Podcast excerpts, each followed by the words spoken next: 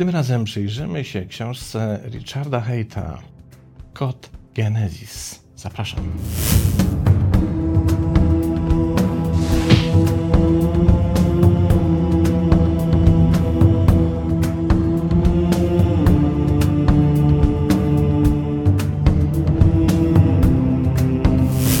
Na początek przyjrzyjmy się autorowi i temu, kim jest. Autor w Polsce nie jest totalnie nieznany. Richard Haight napisał kilka książek. Jedna została wydana w Polsce i to zresztą w tym roku. Nazywa się, jej polski tytuł brzmi Sekret medytacji samuraja. I podtytuł Doskonałe zdrowie, silna odporność i kontrola stresu dzięki innowacyjnej metodzie totalnego ucieleśnienia w rzeczywistości oryginalny tytuł brzmi inaczej, brzmi Medytacja Wojownika i podtytuł Najlepiej strzeżony sekret samodoskonalenia, poprawy funkcji poznawczych i łagodzenia stresu, nauczany przez mistrza czterech sztuk samurajskich.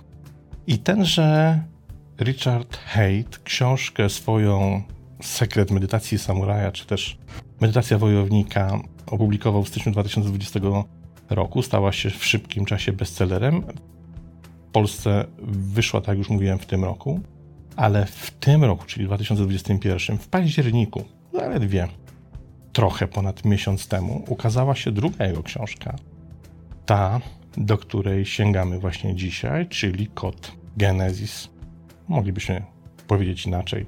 Kod Księgi Rodzaju. Kimże jest autor? Przeczytajmy. Richard Haight jest nagradzanym autorem kilku książek, a także zaawansowanym instruktorem sztuk walki, medytacji i uzdrawiania. Rozpoczął formalne treningi sztuk walki w wieku 12 lat i przeniósł się do Japonii w wieku 24 lat, aby rozwijać swój trening z mistrzami zarówno miecza, jak i kija. Mieszkał i kształcił się w Japonii przez 15 lat, ucząc w gimnazjum języka angielskiego. Tam też poślubił swoją żonę Teruko i otrzymał licencje instruktorskie w zakresie czterech sztuk samurajskich i jednej sztuki terapeutycznej zwanej Sotai Ho. Poprzez swoje elastyczne, wysoce praktyczne nauki Richard Haight pomaga rozpalić światowy ruch na rzecz osobistej transformacji, która jest wolna od wszelkich ograniczeń i otwarta dla każdego na każdym poziomie. Mieszka i uczy wciąż w południowym Oregonie w Stanach Zjednoczonych. I od razu przejdźmy do pierwszego fragmentu, który wyjaśni, czym jest ta książka i dlaczego wzbudziła moje zainteresowanie. W tej książce, jak wskazuje jej tytuł, zbadamy tajemną naukę znalezioną w starożytnej księdze rodzaju. Aby uzyskać dokładne zrozumienie, musimy uważać, aby nie zakładać, że starożytni ludzie nauczali tak otwarcie, jak my obecnie. Współcześni ludzie, czytający starożytne pisma, mogą przypuszczać, że jawne nauki przedstawione w tych tekstach odzwierciedlają to, czego faktycznie nauczali i cenili pierwotni autorzy. To założenie jest prawdopodobnie błędne z wielu powodów. Kiedy na przykład czytasz dowolny fragment Starego Testamentu mówiący o konieczności wyzwolenia, to do jakiego rodzaju wolności się to Twoim zdaniem odnosi? Czy przeczytany przekaz na pewno odnosi się wyłącznie do wolności od fizycznej śmierci, choroby, bólu, nieszczęścia lub złego traktowania, które to doświadczenia, jak pokazuje historia, bez wyjątku przytrafiają się każdemu? A co jeśli ten przekaz odwołuje się raczej do wolności natury psychologicznej i duchowej, na przykład takiej, jaką możemy rozumieć jako wolności od kompulsywnego zaabsorbowania sobą? Wolność od arogancji, urazy i potępienia.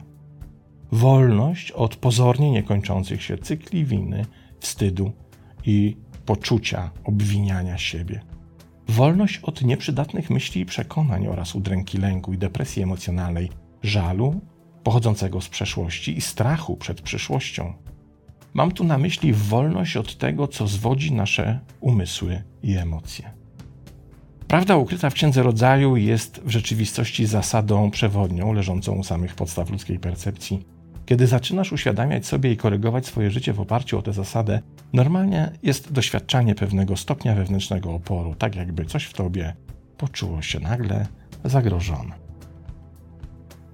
Tak naprawdę autor dotyka tutaj takiego zjawiska, w którym rozróżniamy dwie koncepcje starożytnych przekazów, tradycyjnych, religijnych, jakichkolwiek.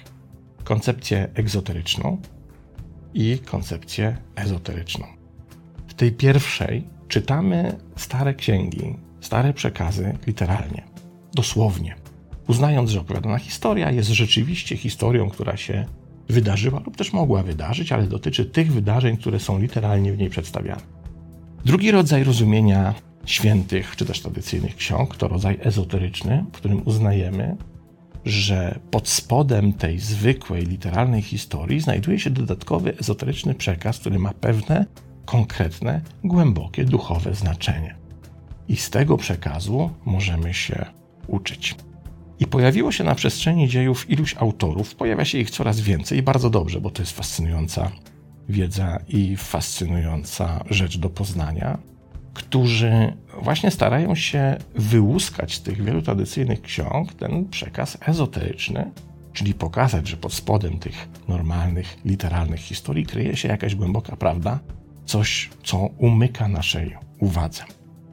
I żeby przypomnieć sobie, czy też wskazać na właśnie tych autorów, którzy do tej pory się zajmowali tego typu przekazem, to jednym z pierwszych, który przychodzi mi na myśl, jest sławetny, celowo używam słowa sławetny, Osho, z którego działalnością, aktywnością generalnie się nie zgadzam, ale którego wiedzę dotyczącą ezoteryki naprawdę trzeba uszanować, bo jest to wiedza potężna. I tenże Osho, zwany również jako Bakwan Shri Rajnish, w księdze, która nazywa się Ewangelia Tomasza Komentarze, między innymi zwracał uwagę na słowo pokuta, które jego zdaniem zostało źle przetłumaczone.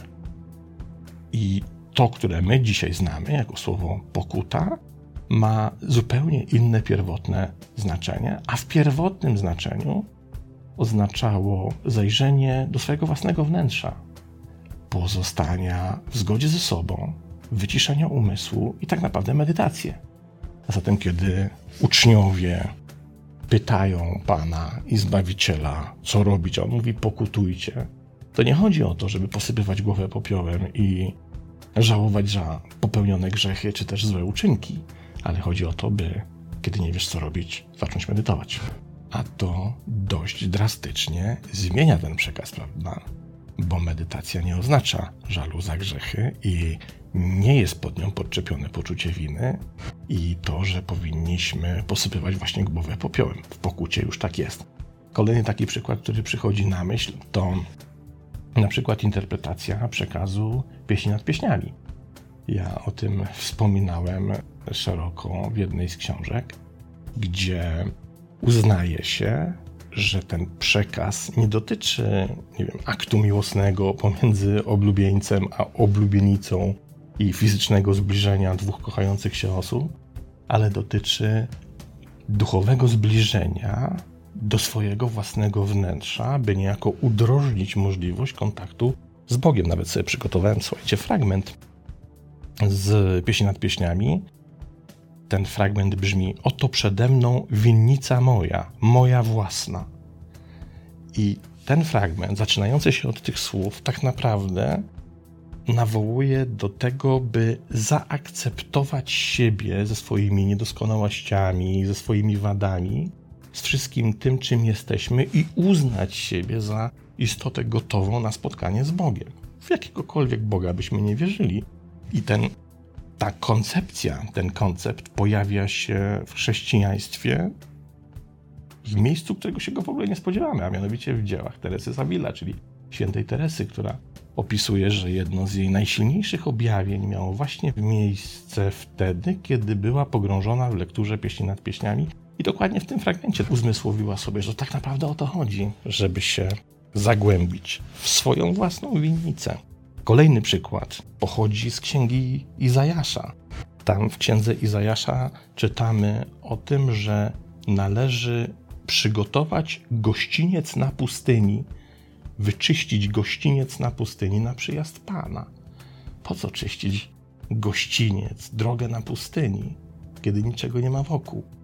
I w tym znaczeniu ezoterycznym, na co zwraca uwagę wielu autorów, m.in. Colin Sisson, ma chodzić o wyczyszczenie umysłu z tego wszystkiego, co go zaśmieca, tak by stał się taką pustynią, pustym, czystym, nieskalanym, nieskazitelnym miejscem. Dopiero wtedy jest możliwe spotkanie z Bogiem i ponownie w jakiegokolwiek Boga byśmy tutaj sobie nie wierzyli, czy też uznawali, że chodzi o bardziej świeckie oświecenie.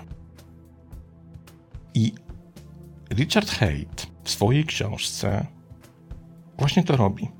Próbuje odcyfrować ten ezoteryczny, a nie egzoteryczny przekaz pochodzący z Księgi Rodzaju.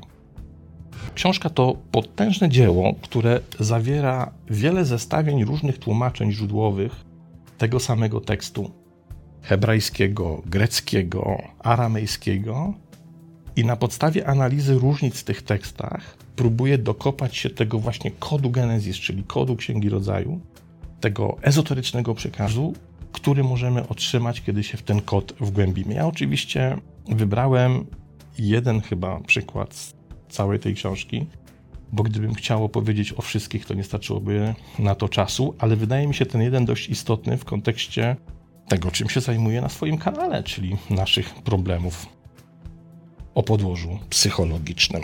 Poczytajmy dalej. Wielu wierzących uważa, pisze autor, że Księga Rodzaju jest historycznym opisem stworzenia. Nie akceptują poglądu, że historie o stworzeniu są metaforyczne lub otwarte na interpretację. Aby utrzymać to stanowisko, odrzucają z góry ideę, że w Genezis istnieje kilka różnych, w dużej mierze niezgodnych ze sobą historii.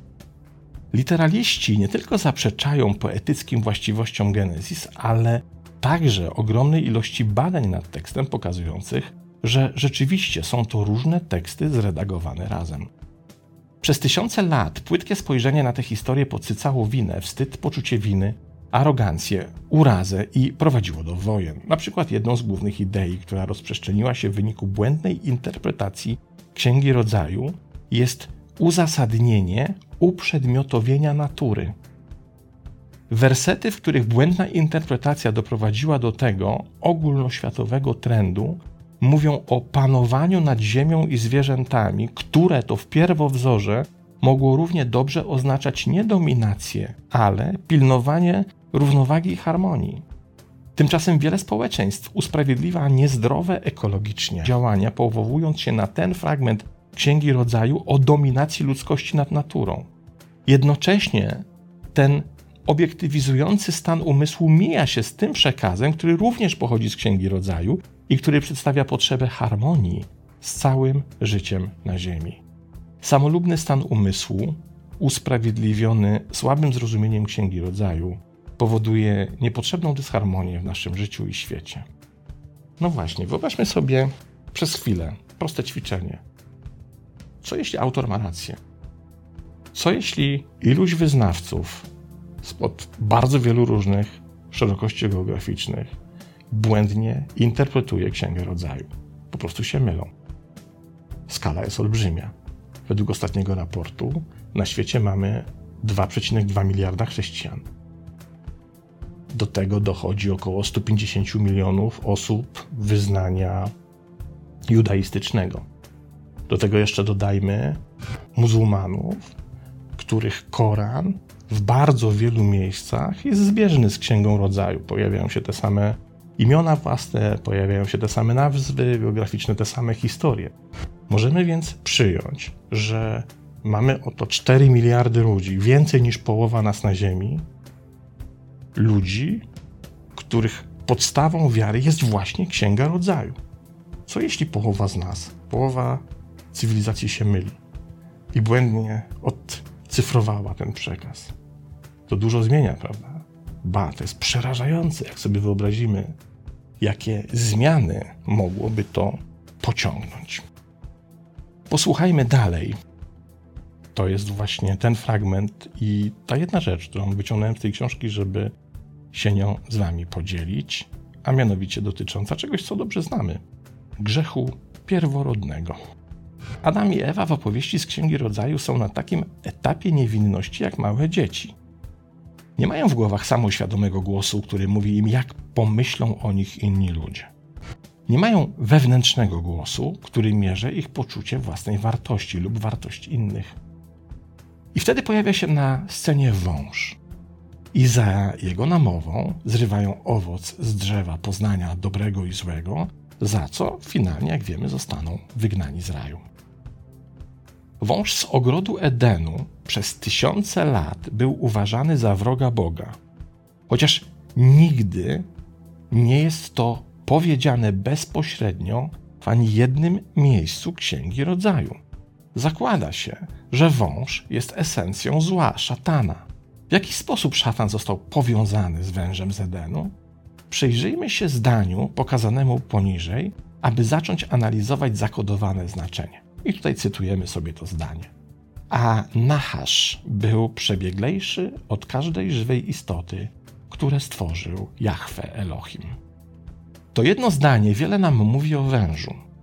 Po pierwsze, mamy słowo Nahasz, które z pozoru oznacza węża, ale jego podstawowe znaczenie to połysk, o jakim mówimy na przykład w przypadku szlachetnych kruszców, i syk, ale nie węża, tylko taki dźwięk, jaki wydaje na przykład mak czy szaman przy czynieniu zaklęcia. Wąż w ogrodzie Edenu jest powszechnie uważany za węża fizycznego, ale ten dosłowny pogląd nie ujawnia nam jeszcze zawartego tam ezoterycznego kodu. Spójrzmy na podstawowe znaczenia, aby lepiej zrozumieć, co się tutaj dzieje. To nie wąż, to lśniące zaklęcie. Wąż jest metaforą fascynującego uczucia lub myśli, których nie możesz zignorować. W Księdze Rodzaju możemy zobaczyć czarujące uczucie lub myśl, która opanowała umysł pierwszych rodziców, podobnie jak myśl o pewnym pocieszającym pożywieniu, które może utkwić w naszych umysłach i zmusić nas do jedzenia, gdy nie jest to dla nas zdrowe lub konieczne. To samo przekonujące uczucie lub wzorzec myślowy pojawia się w kłótniach, kiedy wiemy, że najlepiej nie mówić jakichś rzeczy, ale mówimy ją mimo wszystko tylko po to, by stworzyć większą dysharmonię.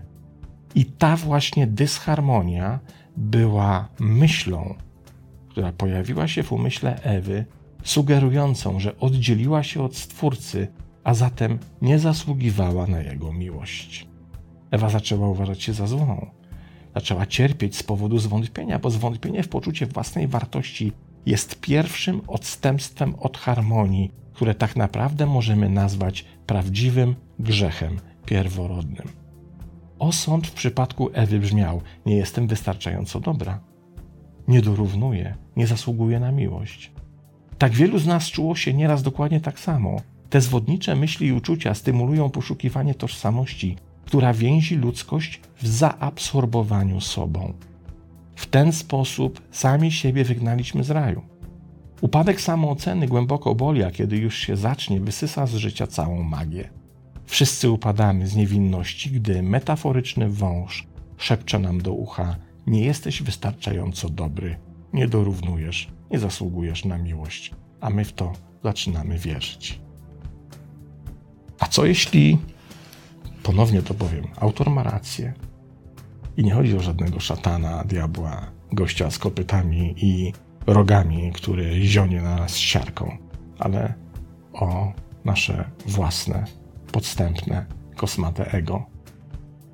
O to, że to mityczne z Księgi Rodzaju zerwanie owocu z zakazanego drzewa poznania dobrego i złego, to tak naprawdę potrzeb ego, które nam pokazuje, że są rzeczy, do których powinniśmy dążyć, czyli zaczyna wiązać nasze życie z pragnieniami do osiągnięcia, i są rzeczy, których powinniśmy unikać. I w tym dysonansie pomiędzy pragnieniem a lękiem nie ma miejsca na akceptację.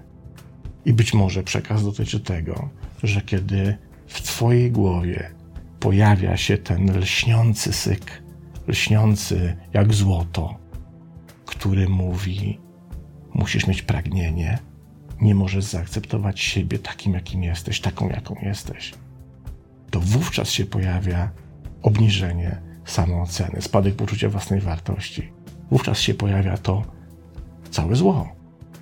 I raj, którym jest poczucie bliskości boskości albo boskości w sobie, zostaje bezpowrotnie utracony. Życie zaczyna być piekłem, zaczyna być pogonią za pragnieniami. I dlatego Stwórca mówi: Nie żryj owocu z tego drzewa. To jest drzewo, które prowadzi cię na manowce. To jest drzewo, które ci pokaże, że całe życie będziesz podporządkowywał, podporządkowała wszystkie swoje działania, całą swoją aktywność, by cały czas podążać za króliczkiem, którego się nie da złapać, by nie potrafić się nasycić, nie potrafić się najeść i by nie akceptować tego, gdzie jesteś, kim jesteś, jaka jesteś, jaki jesteś. W ten sposób raj zostaje utracony. W ten sposób, według tego przekazu ezoterycznego, sami siebie pozbawiliśmy raju. Ciekawe, prawda? Przynajmniej dla mnie niezwykle ciekawe i fascynujące. Poczytajmy dalej. Kluczem do zrozumienia Księgi Rodzaju jest uświadomienie sobie, że każde zawarte w niej słowo jest projekcją zaabsorbowanych sobą umysłów. Cała historia rozwija się z perspektywy węża, perspektywy, która utraciła poczucie jedności z wszystkim, co jest, z powodu zaabsorbowania sobą, które uniemożliwia samoświadomość. Zasadniczo ucieleśnione dzieci Boga zapomniały o swojej nieskończonej naturze i pozostają uwikłane w osobistą identyfikację. W języku hebrajskim Eden to nie tylko nazwa miejsca lub regionu, ale też słowo oznaczające przyjemność lub błogość. Nadchodzące Królestwo Boże odnosi się do potencjału ludzi, do otwarcia się na Eden w sobie. Ale to nie wszystko, co to znaczy, ponieważ królestwo, które istnieje wewnątrz, może również odnosić się do w pełni otwartego serca. Ukrytym przesłaniem jest więc to, że Królestwo Boże, Eden, jest jednocześnie wewnątrz i dookoła. Królestwo Niebieskie objawia się nam, gdy w człowieku istnieje równowaga uniwersalnego umysłu i czystej świadomości, gdzie instynkt, szczegółowa percepcja i ugruntowana świadomość kontekstowa wzajemnie się wspierają. Wtedy nie śpimy, wtedy się przebudzamy.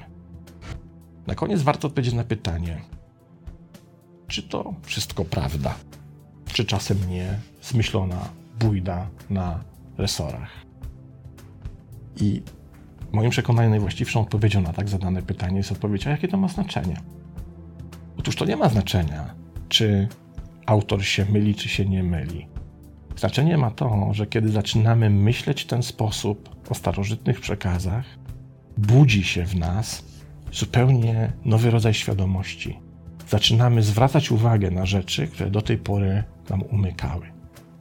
I wtedy zaczynamy się budzić z tej stagnacji i letargu, którym się przywykliśmy, byli znajdować do tej pory. To tyle.